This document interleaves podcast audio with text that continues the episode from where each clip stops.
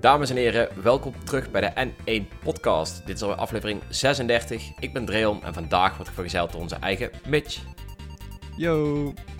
Uh, deze keer gaan we het hebben over Hyrule Warriors, Age of Calamity, onderwater games, uh, de Mario Maker ondersteuning die stopt en Neo The World Ends With You. Oh ja, en natuurlijk onze Black Friday hauls. Hey. Ja, ik weet... Uh, we gaan straks gaan we horen of we veel gescoord hebben natuurlijk. Maar eerst gaan we natuurlijk even beginnen met Hyrule Warriors Age of Calamity. Want die game, die heeft natuurlijk best wel wat uh, spraak gemaakt op de website. Vooral vanwege Ja. een, uh, een onstabiele FPS. Ik dacht vooral vanwege het hoge cijfer wat hij heeft gekregen. Ja, en dan gepaard met de onstabiele FPS. ja, Ja, nou ja, jij hebt hem gespeeld, eh Treon. Eh, wat, eh, wat vind je daarvan? Merk je iets van die framerate? Ja, dat is heel erg karakterspecifiek. Dat vind ik het, het allerraarste eraan.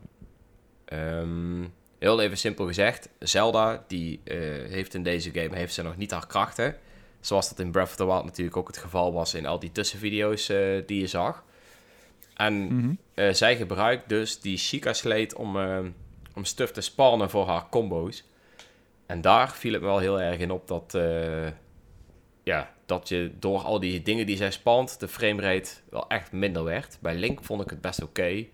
Ehm, ja, bij Impa vind ik het ook best oké. maar er zijn gewoon sommige characters die dat veel erger hebben, omdat ze bijvoorbeeld een hoop dingen spannen. Of ja, Ja, dus eigenlijk wordt er gewoon meer shit opgeroepen dan de game aan kan.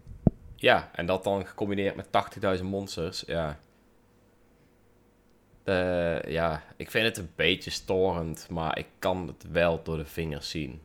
Dat is een Ja, maar ik vind het ook wel weer passen bij, eh, bij zo'n Warriors game natuurlijk. Want het is natuurlijk wel gewoon staal over substance, weet je wel. We willen meer dingen in beeld, we willen dat het vet is, we willen dat het ontploft. En ja, dat de gameplay daar dan een beetje onder leidt. Nou ja, dat, eh, dat moeten we dan maar voor lief nemen. Ja, die keuze is blijkbaar wel gemaakt, zou ik het zo zeggen. Ehm, of je het daarmee eens bent of niet, dat is natuurlijk eh, aan jou als speler. Ehm, ja, kijk, weet je, ik vind het van de ene kant wel jammer, maar ik kan het nog wel door de vingers zien. Het is bij mij niet echt dramatisch geweest of zo. Ja, maar het is wel weer een trend, hè. Een beetje, je ziet dat wel vaker nu bij, eh, bij grote Nintendo-releases. We zagen het eerder bij Link's Awakening. Eh, je, je zag het ook bij, hoe heette die andere game ook alweer? Nou ja, kom ik even niet op. Maar in ieder geval, eh, Nintendo stond natuurlijk vroeger altijd bekend op van... Ja, als je een Nintendo-game koopt, dan heb je eigenlijk gewoon een, een zo goed als eh, perfecte framerate. Hè? De Nintendo 64 even niet meegerekend, want Mhm. kon toen niet, eh, niet beter. Ja, vanaf de Gamecube, dan zat je zo van, nou, weet je, laat al dat framerate geklungel maar aan eh, Ubisoft eh, over, weet je wel, met die open wereld games en eh, dat soort eh, technisch eh, zware shit. Bij Nintendo heb je gewoon simpele games met een, eh, ja, gewoon stabiele framerate, altijd mooi verzorgd product, geen day one eh, patches of zo, of dat soort zaken. Nee. En dat is wel een beetje aan het veranderen natuurlijk. En eh, ja, dit is dan weer daar gewoon het laatste voorbeeld van, wat mij betreft. Ja, zeker waar. Ehm, nou, je zag het natuurlijk ook al bij Breath of the Wild zelf, hè. Die hebben ze ook rustig Ja, dat is ook een voorbeeld moeten inderdaad. patchen. Dat het eigenlijk alleen nog maar op een paar stukjes heel erg was en daarna viel het wel mee. Ehm, Ja, je had, eh, je had Korok eh, PowerPoint Forest. Ja. en nog één plek meer. Ik ben even aan het bedenken welke die andere plek was. Korok Forest was ja, ja, eh, in, op, de, op de Wii U was dat dat, dat Chica-dorpje, Kakariko was dat. dat Ah, ja. eh, als, als het daar regende, dan was het echt een slideshow. Op de Switch was dat beter en was eigenlijk alleen Korok Forest nog echt een probleem. En Ja. later hebben ze dat nog een keer gepatcht en toen was het al een stuk beter speelbaar. Ja, klopt. Ja, kijk. ehm, ja, weet je, dat is, dat is natuurlijk wel jammer. Eh, ik ben zelf ben ik echt een, eh, een fan van een goede FPS. Ik, Ja. eh, ik kan er echt niet tegen, vooral als ik het op mijn PC speel, dat het onder de 60 fps gaat. En ik doe er ook alles aan om ervoor te zorgen dat ik boven de 60 fps blijf. Nou, bij Nintendo kan ik het met 30 fps ook nog wel hebben, maar onder de 30 daar, ja, krijg ik ook wel een ja, beetje iets van. weet je, 60, 30 fps ligt een beetje ook aan het type game. Hè? Kijk, als jij een eh, snel bewegend spel hebt als een competitieve shooter, dan wil je gewoon die 60 fps. Klaar. Ja. Maar als het een wat langzamere adventure game is, als Breath of the Wild, dan is 30 fps in feite ook gewoon eh, prima speelbaar voor de meeste mensen. Maar ja, het probleem krijg je dus als je echt die frame drops krijgt na sub-20's. En Ja. dan, eh, ja, dan, dan zit je gewoon naar een PowerPoint-presentatie te kijken als hij onder de 20 fps eh, duikt. En dat is gewoon heel goed merkbaar. Eh, ik heb dan zelf eh Ari and the Secret of Seasons eh, doorgespeeld. Oh ja. Ja, die game dook af en toe naar de, naar de onder de 10 fps. dat was echt, eh, ja, dat is een hel. echt heel ernstig, ja. Ja. En dan, dan trek ik ook gewoon de grens, weet je wel. Maar eh, wat ik wel interessant vind is... eh, de review is gedaan door, eh, door Erik. Mhm. En die heeft dan wel wat kritiek gekregen over dat hij de FPS wel noemt in zijn review, zeg maar. Als, maar dan zegt van, nou, weet je, mij persoonlijk Ik zit er niet stoort het niet zo. ja. Wat ik me heel goed kan voorstellen, ik heb die demo ook gespeeld, ik heb die FPS-drops ook gewerkt, maar ik heb zoiets van, ja, weet je, de gameplay is toch vrij hersendood, dus Ja. echt detrimenteel eh, vind ik het, eh, vind ik het niet. Alleen, eh, dan noemt hij het vervolgens wel niet bij de, bij de minpunten. En dat, daar barst een interessante discussie los van...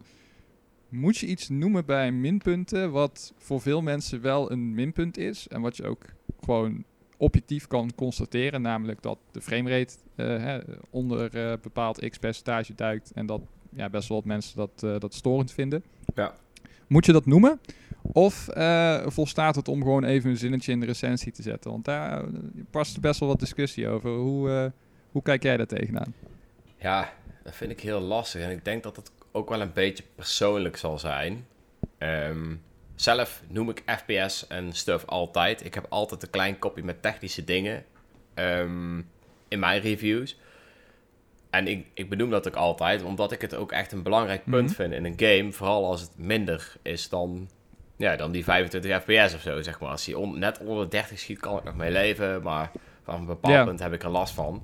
En dan noem ik het ook op. Ook in mijn, ehm, eh, was het review van die Outer Maar dat is niet helemaal altijd op mijn vraag. Hè? De, de vraag is meer van als iets jou persoonlijk niet stoort, Mhm. maar het is wel objectief eh, waarneembaar. Hè? Dus het is een technisch aspect of eh, een design aspect wat gewoon staat. Ja, Ehm, en je weet dat het controversieel is, zeg maar. Is het dan eh, terecht dat je, dat, eh, dat je ervoor kan kiezen om dat niet bij de minpunten te zetten, of zelfs helemaal niet te behandelen, omdat jij daar persoonlijk geen last van hebt? ja, ja, I don't know. Ik zelf eh, had er geen moeite mee dat hij het niet deed, zal ik het zo zeggen. Want hij vond het zelf Mhm. gewoon niet belangrijk. Ehm, dus ja, voor, voor mijn mening, hij had het niet hoeven doen, zal ik het zo zeggen. Zelf had ik het Ja. echt wel gedaan. En dat is een beetje een klein verschil. En waarom had me- jij het dan zelf wel gedaan? Omdat ik dat zelf gewoon een heel belangrijk punt vind. Ik vind Ah, ja, jij sowieso een ja, ja, persoonlijk al een belangrijk punt. Dus ik had het gedaan. Ehm, maar niet omdat, het, omdat andere mensen het van mij verwachten. Ik had het gewoon gedaan omdat ik dat zelf belangrijk vind. En ik vind wel dat als jij een review schrijft, dat je daar voornamelijk gewoon in moet zetten wat jij zelf belangrijk vindt.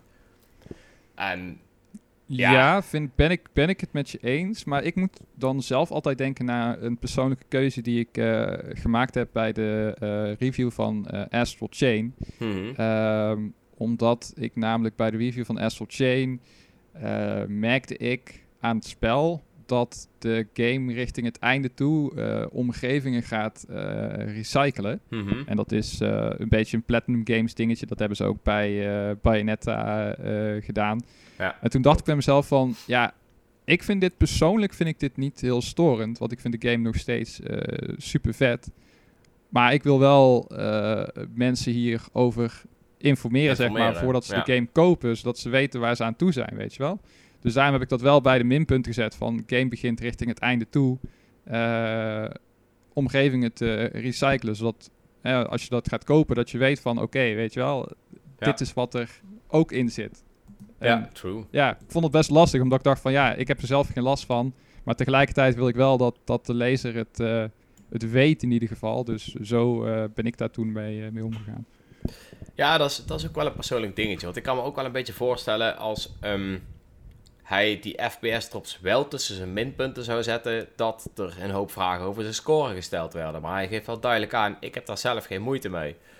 Dus het is altijd een Ja. beetje en-en, hè. Op het moment dat jij dus in je minpunten gaat zetten dat je last hebt van die framerates, hè, want dat, dat is wat je min of meer wel zegt in je minpunten, dan, ja, dan is die 8,8 weer niet eh, verdient. Zou ik het zo zeggen. Dus dat, dat levert dan ook weer een andere discussie op. Dus ik, uh, ik vind het sowieso een hele ja. lastige kwestie.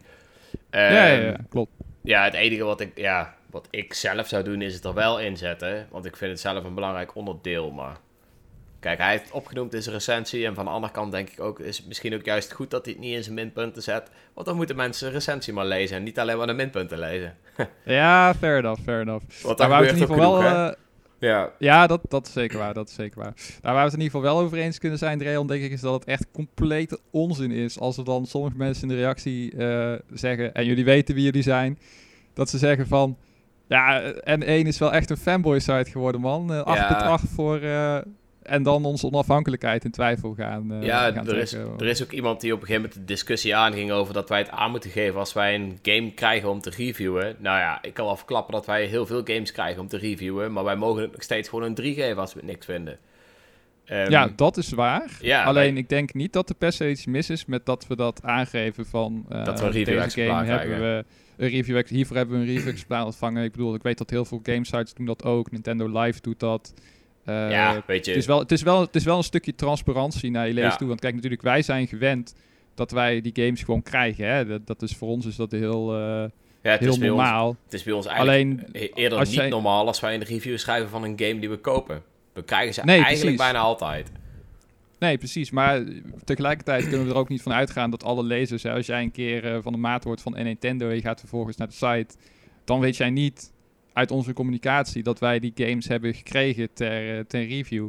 Nee, true. Dus in die zin denk ik wel dat dat op zich helemaal geen kwaad kan om dat uh, te noemen als een, nee, ja, als een stukje transparantie naar de lezer. Het kan geen kwaad, zeker niet. Alleen hetgeen wat ik wel zeg maar meteen gewoon wil zeggen is dat wij nooit gedwongen worden om een goed cijfer te geven. Nee, dat klopt. Nee, uh, kijk maar naar mijn review van Bakugan Champions of Vestroya. Ja. Die hebben we ook gekregen van de uitgever. En ja, we hebben ja. tot nu toe geen boze brief ontvangen. Dus, nou ja, ik, ik, ja. ik denk zelfs als we als een bepaalde uitgever tegen ons zou zeggen van hier heb je de game, maar we willen niet dat je het onvoldoende geeft, dat wij gewoon gaan zeggen we gaan hem niet voor jullie reviewen. Want nou, dat... Nou, ik zou hem niet reviewen in ieder geval. Nee, want dat trekt, dat trekt, ja, dat trekt jou pas echt in twijfel als website. Kijk, wij zijn natuurlijk nog steeds wel altijd gewoon objectief, klein beetje subjectief, uh, naar een game toe. Want wij vinden het leuk of niet leuk. En wij gaan dat er gewoon op een uh, gestructureerde of in ieder geval goede manier uitleggen waarom wij tot die conclusie komen. En, nou ja, uh, wij, starten, wij starten objectief. Hè? Want ik kreeg ja. Ja. ook, ik zag ook een reactie op Facebook voorbij komen van... ja, Mitch met zijn afzeikreviews. die was van tevoren, te, van tevoren had hij al besloten dat hij Bakugan niks vond. Terwijl ik zoiets had van... Wie wil Bakugan doen, doen, jongens? Ik had er eigenlijk geen zin in. Ik dacht van, nou, weet je... Maar als niemand hem wil doen, dan prima. wil ik hem wel doen. Dan ja. wil ik hem wel doen. Ga ik het ook gewoon een eerlijke kans geven vanaf titelscherm. Ja. En daarna kwam ik er al vrij snel achter dat die game gewoon dik bout is. Ja. En los daarvan ben ik ook nog niet eens de enige die er zo over denkt. Die game scoort gewoon overal vrij slechte cijfers. Dus ja, uh, ja, dan ga ik ook gewoon zeggen dat het dikke bout is. Want ik ja, dat mag ook. Ja. Niet mensen aan om dit te kopen. Uh, misschien kleine kinderen, maar voor de rest, uh, mensen die enigszins standaarden hebben, die moeten hier ver vandaan blijven. Want het is gewoon geen goede game. Ja, daarom. En kijk, ik ga nou ook een game reviewen. Just Dance 2021. dat is ja. echt totaal niet mijn game, maar ik ga het ook gewoon zo objectief mogelijk doen. En als het voor mij dadelijk een 6 is, ga ik er wel bij zetten, maar jong, of wel bij zeggen, maar jongens, kijk, dit is voor mij een 6. Dit is niet mijn muziekstijl, dit is niet dit of dat. Um, maar ik kan me voorstellen dat mijn zusje dit een 8 zou geven, of noem maar iets, snap je? Omdat het gewoon een hele andere... Ik ben misschien ook niet de juiste doelgroep voor zo'n game. Ja, en, en dan, en dan, kom, en dan komen we weer terug bij... Uh... Ja, ja, maar dan komen we weer terug bij Warriors natuurlijk. Want ik heb die games natuurlijk in het verleden ook gewoon net aan voldoendes of onvoldoendes uh, gegeven. Omdat ik gewoon de hele gameplay gewoon veel te repetitief en, ja. uh, en, en monotoon vind. Hoe vind jij dat in, uh, in Hyrule Warriors momenteel? Want dat is toch ook wel een beetje het, het ding van een Warriors game. Ja, kijk, weet je wat het is? Ik speel een game als Hyrule Warriors nooit langer dan anderhalf tot twee uur. Dus ja, weet je, ik heb die game heb ik nou denk ik 12 uur gespeeld of zo. En dat is allemaal in stukjes van maximaal 2 uur. Dus ik heb daar niet zo heel veel last van gehad. Van, ik kan me voorstellen als jij zegt van ik ga dit hele weekend spelen. En dat je na het weekend over denkt van nou, dit was het wel. ja, Ehm, maar ik speel het in zulke korte stukjes en het verhaal is wel heel, heel intrigerend. Ik vind eh, dat ze dat heel goed gedaan hebben. Dat is ook wel iets wat je echt al in de game houdt. Ehm, en dat je daartussenin nog uh, ja, al die recepten van alles maakt en van alles gaat zoeken, zorgt wel voor net wat meer variatie dan dat je alleen maar ja, constant monsters af aan het slachten bent. Ja, en die Divine Beast uh, segmenten, die uh, moeten dan ook wat leven in de brouwerij brengen, begreep ja. ik. Ja, dus dat is wel, het zorgt wel voor best wat afwisseling hoor, deze game. Ja, dus ik, ja. ik, zie het zelf niet helemaal. Ik heb dan uh, vooral uh, wat gameplay gekeken. Ik heb ook het hele verhaal op YouTube gekeken. Dat stond echt een dag of twee voor release, stond dat al helemaal online. Soms hou ik echt van het internet. Toen dacht ik van, oh, nou, dat bespaart me ook weer 60 euro. Want ik weet ja. dat ik die gameplay gewoon... Ik heb de demo gespeeld. Het is gewoon Warriors, maar dan net iets gelikter en net iets gepolijster. En ja. misschien met iets meer variatie, omdat er wat kleine Breath of the Wild mechanics in zitten, zoals die Flurry Rush en ja, uh, ja, die Sheikah Slate uh, uh, opties. Maar voor de rest dacht ik van, nou, is gewoon Warriors. Ik kijk dat verhaal wel eventjes. Het verhaal was leuk. Hebben ze best leuk gedaan. Er zat meer potentie in. Maar het is... ja, de, je kan duidelijk merken dat dezelfde mensen als die verantwoordelijk voor, waren voor het verhaal van Breath of the Wild en de cutscenes en zo, dat die er wel echt ook aan gewerkt hebben.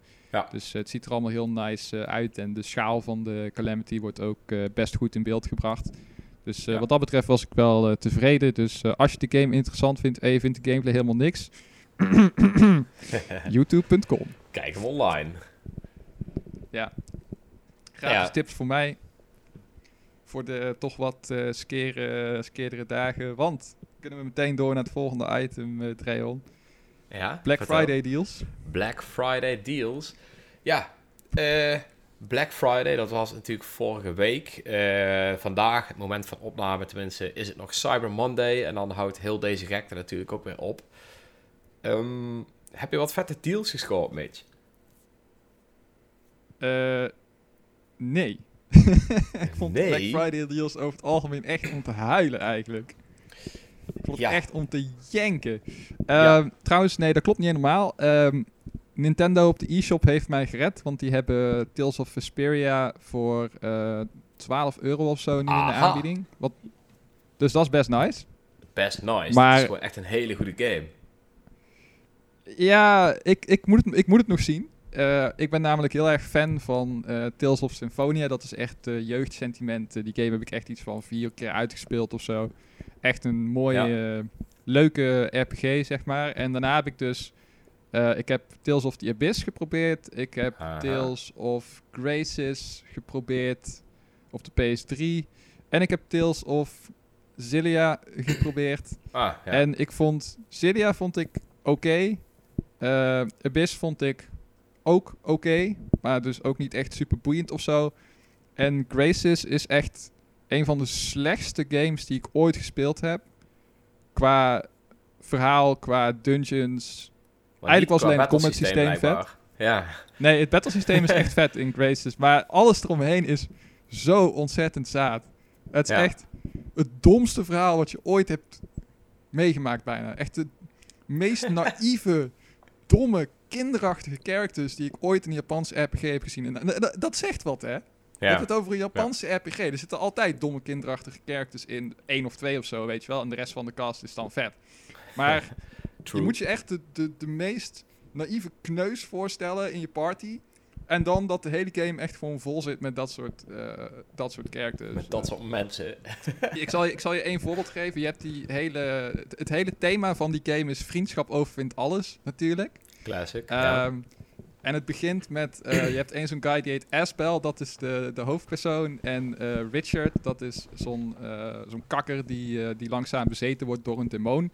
En okay. iedere keer als die Richard iets evils doet, terwijl hij letterlijk gewoon staat te lachen als een maniak en zijn ogen rood groeien of zo, zegt die Esbel van, ja jongens, we moeten Richard nog wel een kans geven, want ik weet diep van binnen dat hij nog steeds een goed persoon is. Terwijl die gast letterlijk gewoon iedereen doodmaakt en, nou ja, weet je, het is zo, oh, never mind. Maar echt, een kut game dus.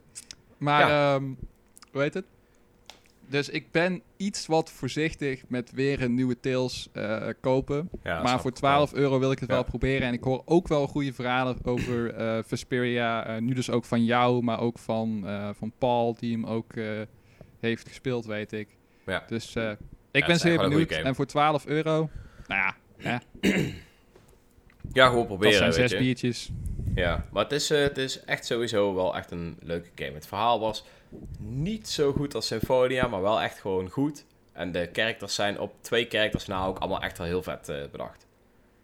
Ja, ik hoorde ook vooral goede verhalen over die eh, main character, die eh Yuri of zo. Yuri, dat hij echt ja. wel gewoon een beetje gewoon een coole dude is. En niet zo'n naïef, red wereld, idealistisch type of zo. Dus Nee, dat hij vind is, ook wel vet.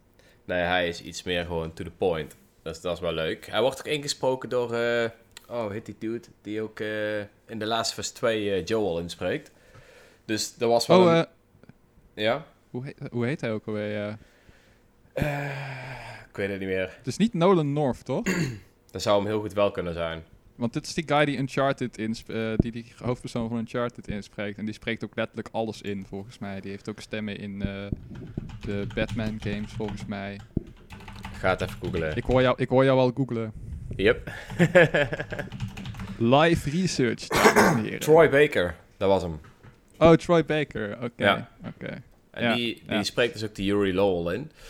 vet. Ehm, ja, dus dat is wel grappig, want dat is gewoon... Momenteel is dat een veel duurdere man om in te huren dan toen de tijd. Maar hij is wel al net zo goed, dus dat is wel grappig. Ja, inderdaad, inderdaad. Dat is wel sick. ja, ik weet ook bij Symphonia, toen had je ook zo iemand die ook in Metal Gear zat. eh, Cam Clark. En die sprak Oh, ja. dan die eh, Kratos in. Dat was ook echt een lijpe stem. Hm. Oh ja, Maar goed, ehm, ja, tot zover eh, mijn Black deals. Friday. Hoe zit het bij jou, Dreel? Want ik weet dat jij altijd een wat grotere, groter gat in je hand hebt dan mij, om het zo maar te zeggen. Nou, ik heb eigenlijk deze Black Friday deals ook niet zo heel veel gehaald. Ik zit namelijk echt al wekenlang te kijken naar een computer. Maar ik durf maar niet op de, op de bestelknop te duwen. Want de prijs van een nieuwe PC met alles erop en eraan is 3300 euro. En dat is heel veel geld. Oei, Ja, en ik durf dus ook daar maar kan je niet op best wat eh, switches van kopen, jongen. Ja, dus ik heb nog wel één ding gekocht. En dat is Doom Eternal voor de PC. Oh, nice. Ehm, want Steam heeft altijd wel echt heel, eh, hele goede sales. Eh, dus die heb ik gekocht. Ben ik wel heel benieuwd. Of ja, ik heb een stukje gespeeld. Vette game. Maar eh, verder heb ik niks gekocht. ja, de Switch-versie laat ook steeds even op zich wachten. ja, ja, dat is ook nog steeds. Dat is ook wel erg jammer. Dus ik dacht, laat maar. Ik speel hem sowieso op de PC. ja, zeker doen. Ja, maar eh, mijn PC draait me nog best wel goed. Wat het nog moeilijker maakt om de keuze te maken om een nieuwe PC te kopen of niet. Dus ik twijfel gewoon nog steeds. Hm. Ja, En waarschijnlijk doe ik dat de komende week ook nog. En dan wil ik het bestellen en dan gaat het waarschijnlijk niet meer. Dus ik ben heel benieuwd.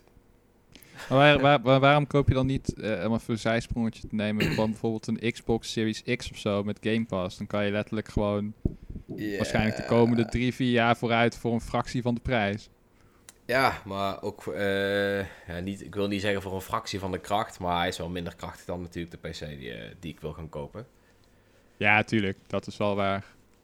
Dus ja, weet je. En ik gebruik mijn PC ook voor heel veel dingen. Net als video-editing en eh, het editen van deze podcast. En weet ik het allemaal. Het is natuurlijk ook handig als dat ook allemaal zo makkelijk en zo snel mogelijk gaat.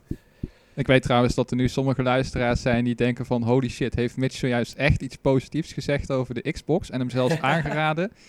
Ja, beste Oh, mensen, dat klopt. Nou ja, je kan zeggen wat je wil, maar die Game Pass is best wel een slim, eh, een slim Is dingetje. echt een ziek... Echt een insane deal eigenlijk Ja. gewoon. Dus ja. Maar dat, eh, dat is ook wel interessant, want eh, dat, dat is echt het, het Amazon-model van dingen zwaar onder de prijs eh, aanbieden. Hmm. En gewoon je concurrent proberen weg te vagen met, eh, door verlies te maken, maar veel te verkopen. Dus ik ben echt heel benieuwd hoe dat gaat, eh, gaat uitpakken tegen Sony. Want om even een zijsprongetje te maken naar Xbox. eh, ik weet niet of jij het door hebt, Dreon, maar de Xbox Series X en S zijn Ja. gewoon al uit. Alleen, ik hoor echt nul hype. Echt Ja, iedereen die ik ken, alles wat ik zie op het internet qua PlayStation YouTube 5. content creators en zo. Het is PS5, PS5, Nintendo, PS5, Nintendo. Ja. Maar de Xbox lijkt wel gewoon een stealth release te zijn of zo. Ik zie ook geen reclame, ik zie helemaal niks. Misschien ligt Nou, dat aan mijn bubbel. Dat ja, kan. Ja, kan ook. En weet je wat het ook een beetje is? Ehm, want daar hebben we het volgens mij tijdens onze vorige podcast ook over gehad. Of dat was na de podcast dat ik samen met Nathan nog wat cijfers heb bekeken. Ehm, maar de Xbox lijkt het in Amerika wel beter te doen dan de PlayStation 5. En in Europa doet de PlayStation 5 het eigenlijk gewoon bijna altijd beter. Of doet PlayStation Nou ja, altijd dat- beter, dus Dat, PlayStation 5 dat, was, ook. dat, dat, dat was zo. En dat zal waarschijnlijk ook in de toekomst nog zo, zo zijn. Maar ze hebben toch nog geen echte eh, verkoopcijfers, of wel? Eh, nee, volgens mij is het toch... Ja, voor een gedeelte van sommige winkels eh, is het wel al duidelijk. Laten we Ja, oké. ja, laten we zeggen, hier in, Game, hier in Game Mania die cijfers eruit zou gooien, zeg maar. Veel flauw gezegd. Zo Ja, maar Game Mania, is ook het, Game Mania is ook hetzelfde bedrijf wat, een, wat, wat op Black Friday 50 cent korting geeft op 50 euro e-shop tekort. Dus ik weet niet of Ja. ik hun heel serieus Oh. moet nemen als het gaat om het uitbrengen van eh, Nou ja, je kan zeggen al, wat je alles wil. wat met cijfers te maken heeft. Je kan zeggen wat je wil, maar ik haal wel elk jaar opnieuw rond deze tijd... Oh, dat heb ik trouwens ook gedaan dit jaar. Is eh, de PlayStation Plus verlengen. Want dat is dan maar 45 euro in plaats van 60. Dat doe ik ook standaard met Black Friday. Bij Game Mania. Ja, of net waar het kan, maar ik was toch bij de Game Mania, dus ik dacht, yo. Oh, net waar het kan. Oké, nee. Geen sponsoring dus. Nee, nee, nee, ik was, eh, het, het kon ook volgens mij bij PlayStation Plus zelf, zeg maar, gewoon via Ideal. Maar ik was toch al bij de Game Mania, dus ik dacht, yo. De Nintendo podcast wordt mede mogelijk gemaakt door PlayStation Plus, Sony, Xbox en En Game Mania. Game Mania. Nee, ja. Dit is niet waar. Nee, sowieso niet. Nou ja, weet je wat het is? Ehm, ik vind de Black Friday deals, soms zitten er goede deals tussen. De laatste jaren steeds minder, omdat het zo'n grote hype is geworden. Het is ook een hele week tegenwoordig, hè? Ja, ja. Ik, eh, ik moet wel eerlijk zeggen, vorig jaar heb ik daar mijn tv gekocht. Ik heb vooraf al gekeken wat die kostte en gewoon echt gekeken of dat die ergens eh, goedkoper was. En dat was, dus ja. Ja, je hebt natuurlijk wel op andere elektronica is nog steeds wel dat je wel gewoon goed kan cashen. Eh Bol.com had ook best een aardige aanbieding dat je drie Switch games kon krijgen voor 125 euro of zo. Wat neerkwam op eh 44 euro per game of zo. Dus dat was Ja. ook nog wel oké. Ja, Maar ik denk serieus dat, dat, dat de e-shop nog de beste Black Friday deals heeft op eh, Nintendo gebied. Ja, die had ook best wel wat goede deals, ja. Ja. Alleen allemaal games die ik al had, dus ik dacht, ja. Ja, en ik heb volgens mij vlak voor Black Friday heb ik toen nog eh Absu gekocht voor eh 2,99. Nice. En eh, ja, dat brengt ons weer naar ons volgende onderwerp. ik net Onderwater games. Ja, onderwater games. Want Absu is een goede onderwater game. Het is een prachtige onderwater game. Sterker Nou, nog, toe. ik heb denk ik nog nooit zo'n mooie game gespeeld als, eh als Absu. Hmm. Het is echt een... eh, je, Heftig statement. zeg maar een, ja, nou ja... Ja, het is gewoon, het is gewoon een, een meesterwerk. Het is gewoon, gewoon echt prachtig om naar te, naar te kijken. En dat komt niet eens zozeer door het aantal polygonen wat het eh, pusht of zo. Maar puur door de, door de artstijl en de, de lichtinval en de, de levendigheid van de, van de onderwaterwereld. Er zijn zoveel vissen die, die rondzwemmen. Af en toe heeft de Switch er ook een klein beetje moeite mee. Dus heb je wat licht frame drops. En dan kan je wel merken dat de game oorspronkelijk is ontwikkeld voor de, ja, de, de grotere eh, jongens, zeg maar. Mhm. Maar eh, op zich loopt de game verder gewoon prima op de Switch. En het enige wat je doet is, eh, je bent aan het duiken. Je kan chillen met vissen. Je kan rijden op eh, dolfijnen. En je kan een beetje een oude eh, beschaving eh, verkennen. En dan kom je er langzaam achter. Door eigenlijk geen enkele cutscene en geen enkele tekst. Maar puur door beeld en hieroglyphen en ruïnes die je kan eh, vinden. Muurtekeningen. eh, wat er een beetje met die beschaving eh, gebeurd is. En hoe dat zo komt. En waarom de zee dus eigenlijk ook niet meer zo, zo levendig is als voorheen. En het is aan jou om de zee weer echt levendiger te maken. Dus je hebt ook bepaalde portals en die kan je dan openen. En dan komen daar weer vissen uit, waardoor je een nog vollere zee hebt.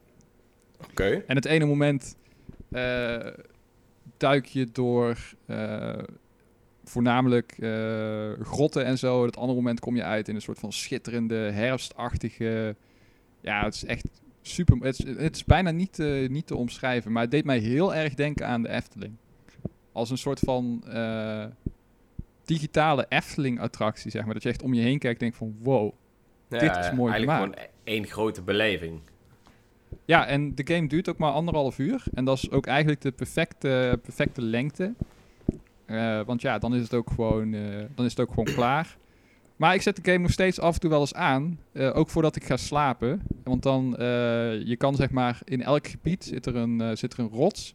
En op die rots kun je mediteren. En als je gaat mediteren, dan verspringt de camera, zeg maar.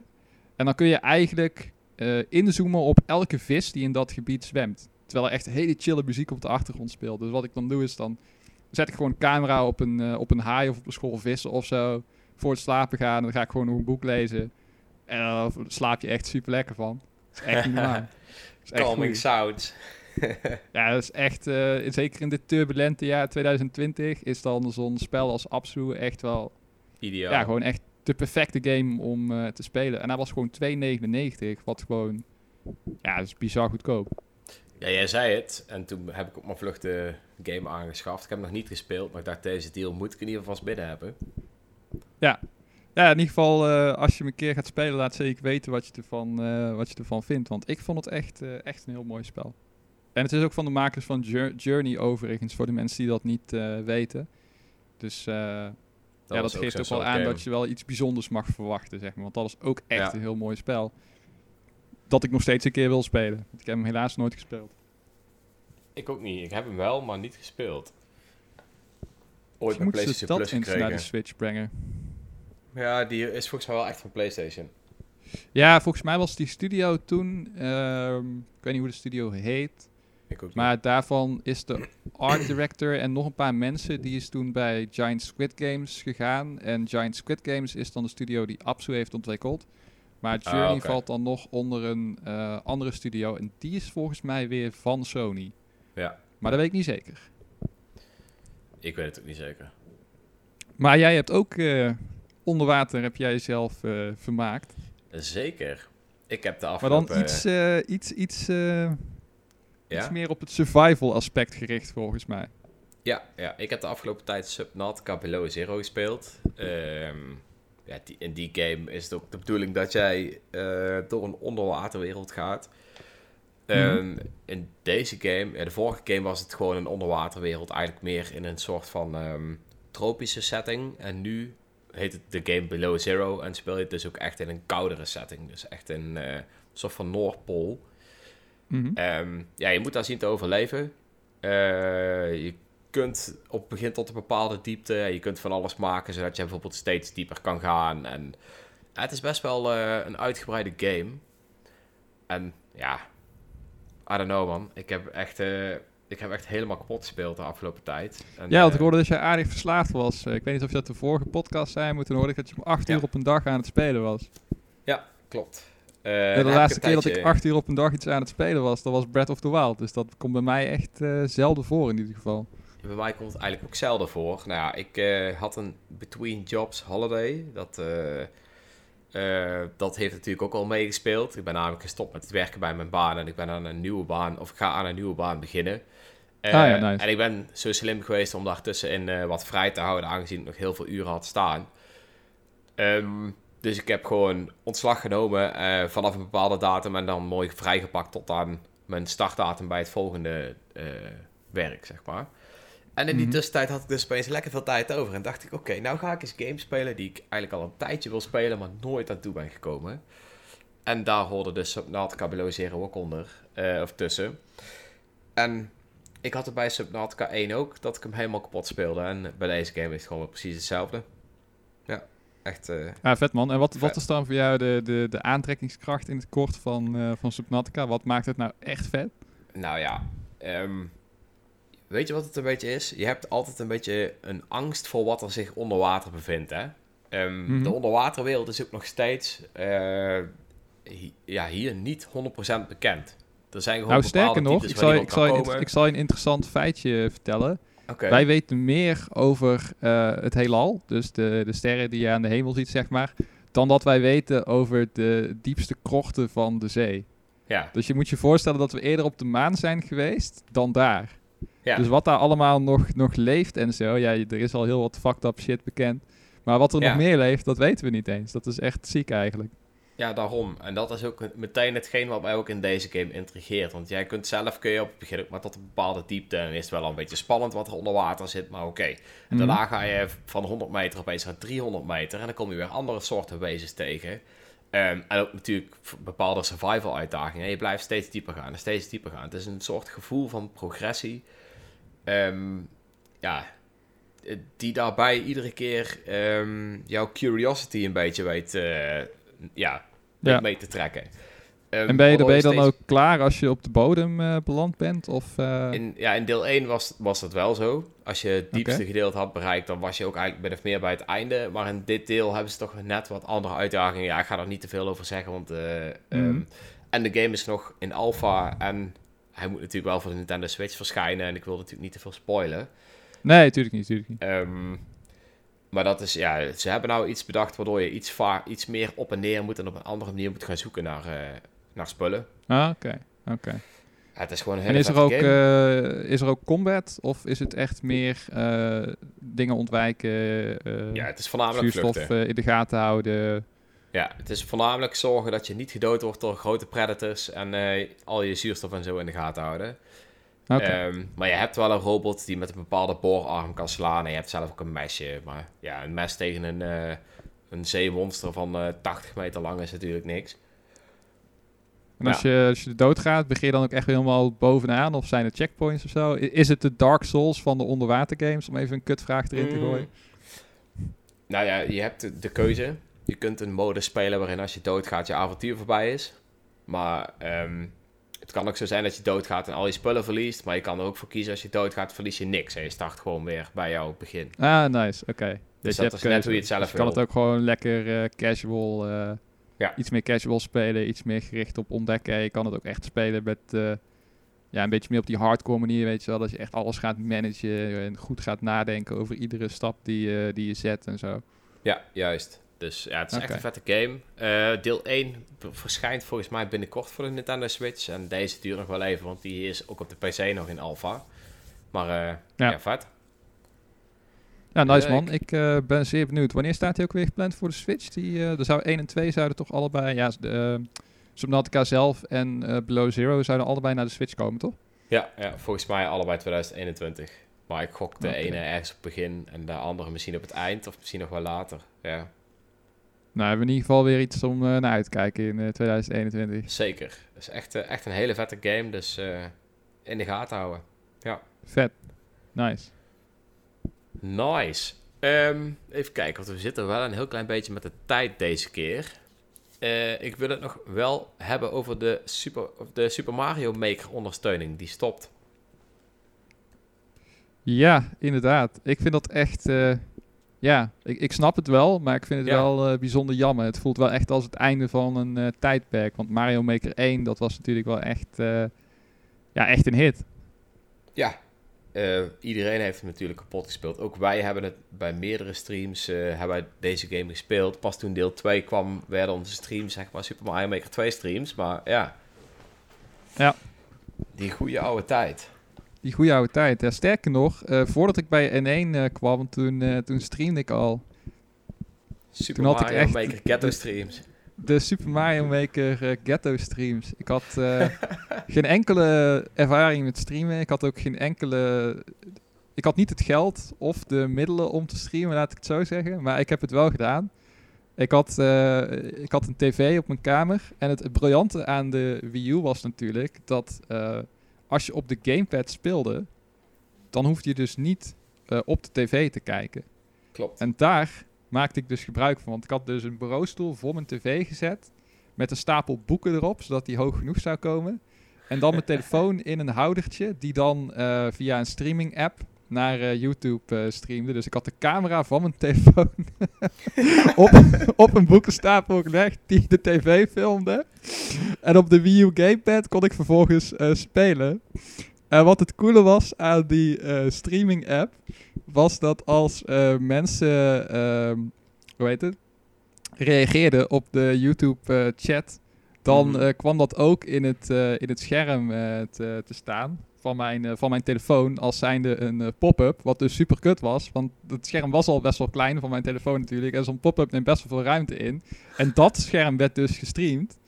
Dus eh, ja, soms dan zag je niks. En soms dan ging mijn telefoon, omdat hij te lang niet aangeraakt was, ging hij, ging hij in lokstand. Waardoor je dus naar mijn homescreen zat te kijken van mijn Android-telefoon.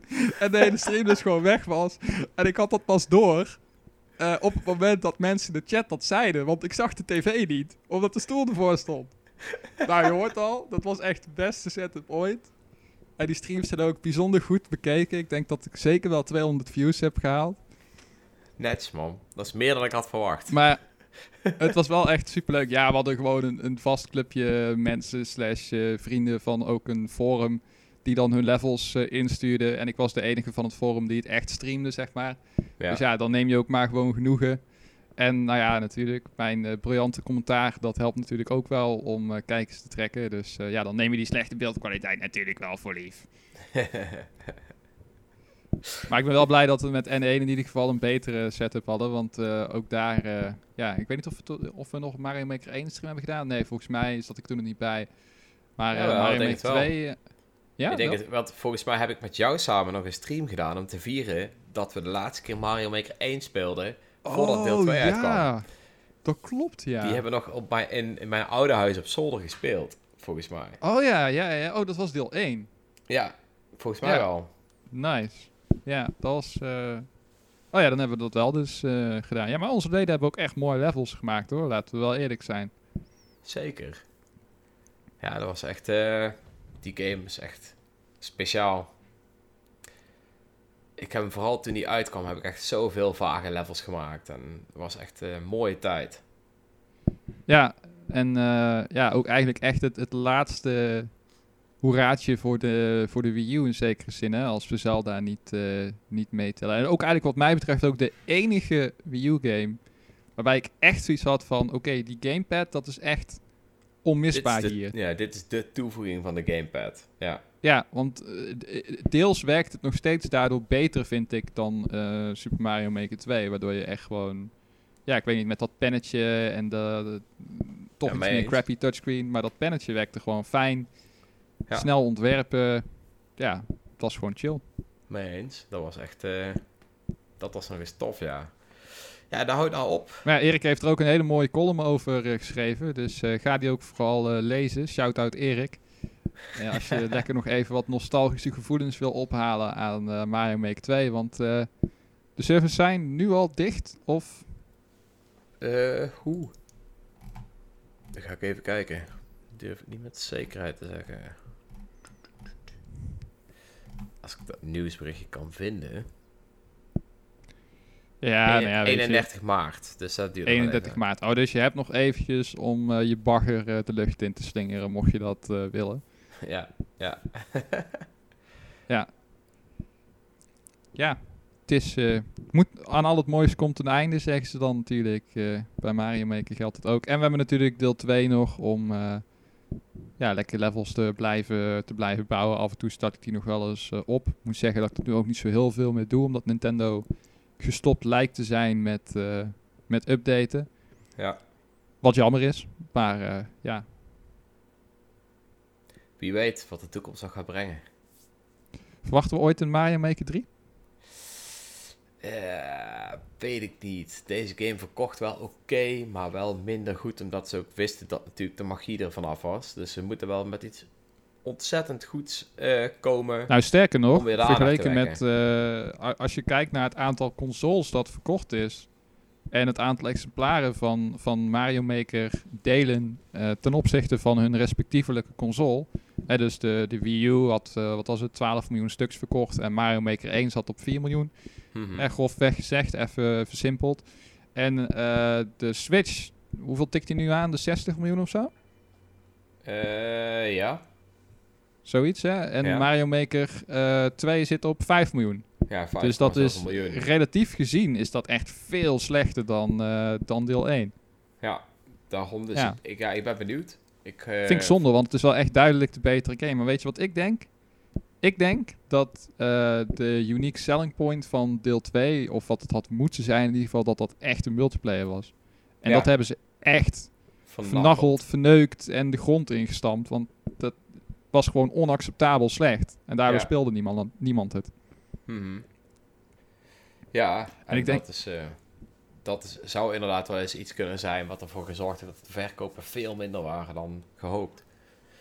Ja, want dat had echt eh, gewoon een hit kunnen zijn hoor. Ik heb, ik heb dat toen met, eh, toen met Erik heb ik dat toen bij Nintendo gespeeld in Nieuwegein op de bank, zeg maar, met z'n tweeën. En toen dachten we al van wow, dit is echt vet. Mario Ja. Maker multiplayer. Je kan elkaar tegen elkaar racen, eh, weet je wel, allemaal multiplayer modus. Dingen bedenken. Super vet. Ja. Werkte allemaal hartstikke goed, omdat het toen offline was, zeg maar. Eh, d- nou ja, dan werkt het wel.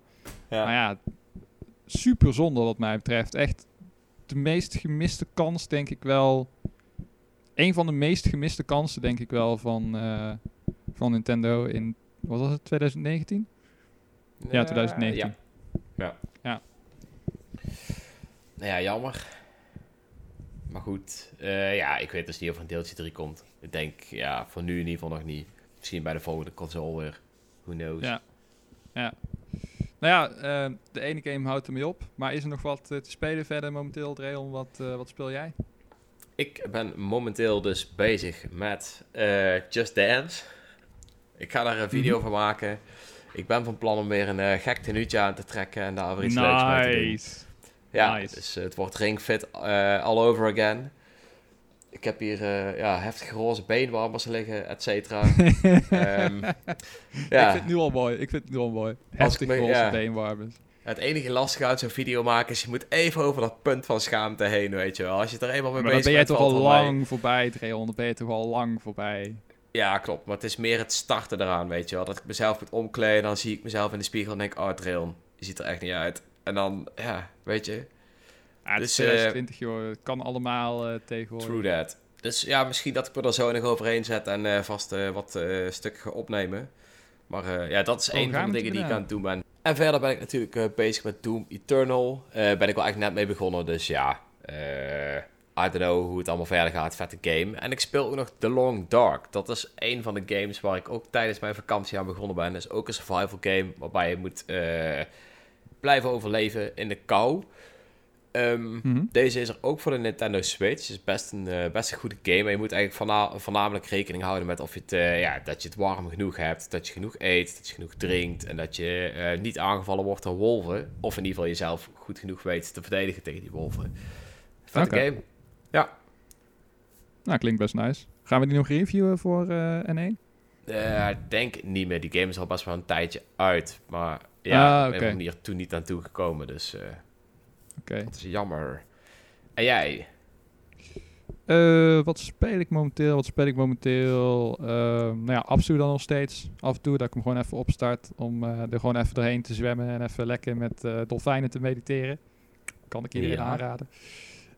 Smash Brothers, nog steeds trouw met eh N1-leden. Classic. Eh, lekkere avondjes, eh avondjes rachen. En soms dan eh rage quitter iemand, hè Robin. En dan is het helemaal lachen. Ehm, dus ja, het is ook gewoon... kijken, wat speel ik nog meer? Eh, 3D All-Stars speel ik nog steeds. Ik heb nou Sunshine, ben ik mee gestopt naar 100 shines. Vond ik wel een mooi, vond ik wel een mooi aantal. Ja, Ja. want daarna moet je die blauwe munten gaan zoeken en zo. En daar heb ik, ja, dat, dat is gewoon niet te doen zonder eh, guide of, eh, of FAQ. Oh, trouwens nog wel een leuk eh, detail. Ehm, ik heb laatst heb ik een speedrun gekeken van Super Mario Odyssey. Van een YouTube-account dat heet Low Percent Runs. Dus dan gaan ze kijken ehm, dat je eigenlijk met zo min mogelijk dingen Mario Odyssey kan, eh, kan uitspelen. En dan hebben ze dus geprobeerd om een zero capture run te doen. Dus dat je eigenlijk geen, enkel, geen enkele vijand captured. Wat echt wel zo goed als verplicht is op sommige onderdelen. Ja. eh, om bij het einde te komen. En eh, dan krijg je dus de geschiedenis daarvan te zien. En uiteindelijk ehm, waren ze waren begonnen met het spel uitspelen met 13 captures. En nu, Mhm. in het einde van 2020, eh, hebben ze dat gereduceerd tot maar drie captures. Dus Oh, je kan de hele game uitspelen met maar drie keer te capturen. En een van de technieken die ze daarvoor gebruiken, die heet de wet nut jump. Oké. En ik maak geen grapje. En wat je dan doet, is... eh, er zitten noten in die game. Ik weet niet of je dat nog weet. Ja, dan kan je ja, dan ja. die, eh, Die planten mee eh, laten groeien. Ja, die zaadjes inderdaad, ja. En als je ergens een noot hebt en je gooit hem eerst in het water... je haalt hem er dan weer uit... dan kan je die noot kan je in de lucht gooien... en dan kan je er naartoe duiken en dan kan je ervan afspringen... en dan kan je dat zeg maar oneindig herhalen... en dan kan je in feite gewoon overal komen waar je wilt eh, eh, eh, komen. Dus dan kan je echt enorme eh, afgronden... zoals die in dat, dat, dat Japans eh, Bowser level... kan je dan gewoon overbruggen zonder dat je die, die elektrische snelheidskabels moet, elektriciteitskabels moet gebruiken, zeg maar. En, Oh, dus ik weet nu alles over de Wet Nut Jump en dat vond ik gewoon een hele grappige, grappige naam, dus dat wil ik even delen. Eh, Ik kan die video ook zeker aanraden, want het is echt super interessant om te zien wat ze allemaal, eh, allemaal skippen als je into, eh, into speedruns bent. En de insane frame perfect jumps en whatever allemaal die erin zitten. Dus het is echt een leuke watch. Oké, ben benieuwd. Want eh, verder eh, speel ik eigenlijk niet zo heel veel, dus eh, dat was ook eventjes om dit fragment vol te lullen. Netjes. Nou ja, in ieder geval bedankt weer voor het aanwezig zijn. Ja, En, het was weer een tijdje geleden, dus ik denk, Ja. kom er even binnenvallen. Ik luister wel trouw natuurlijk altijd de podcast. Soms dan zit ik ook gewoon dingen te roepen naar jullie, maar dan horen jullie het natuurlijk niet, omdat ik het luister en niet erbij. dus eh, ja, Is toch even wennen. Toch weer even wennen, maar eh, Ja. altijd leuk om, eh, om hier te zijn. En eh, ik hoop dat de luisteraars het ook weer leuk vonden. Weer hebben mogen genieten van ouderwetse Mitch. Jij Ja, snapt hem. juist. Ik wil in ieder geval alle luisteraars ook nog even bedanken voor het luisteren. En wij zijn over een paar weken weer bij jullie terug. Later. Later!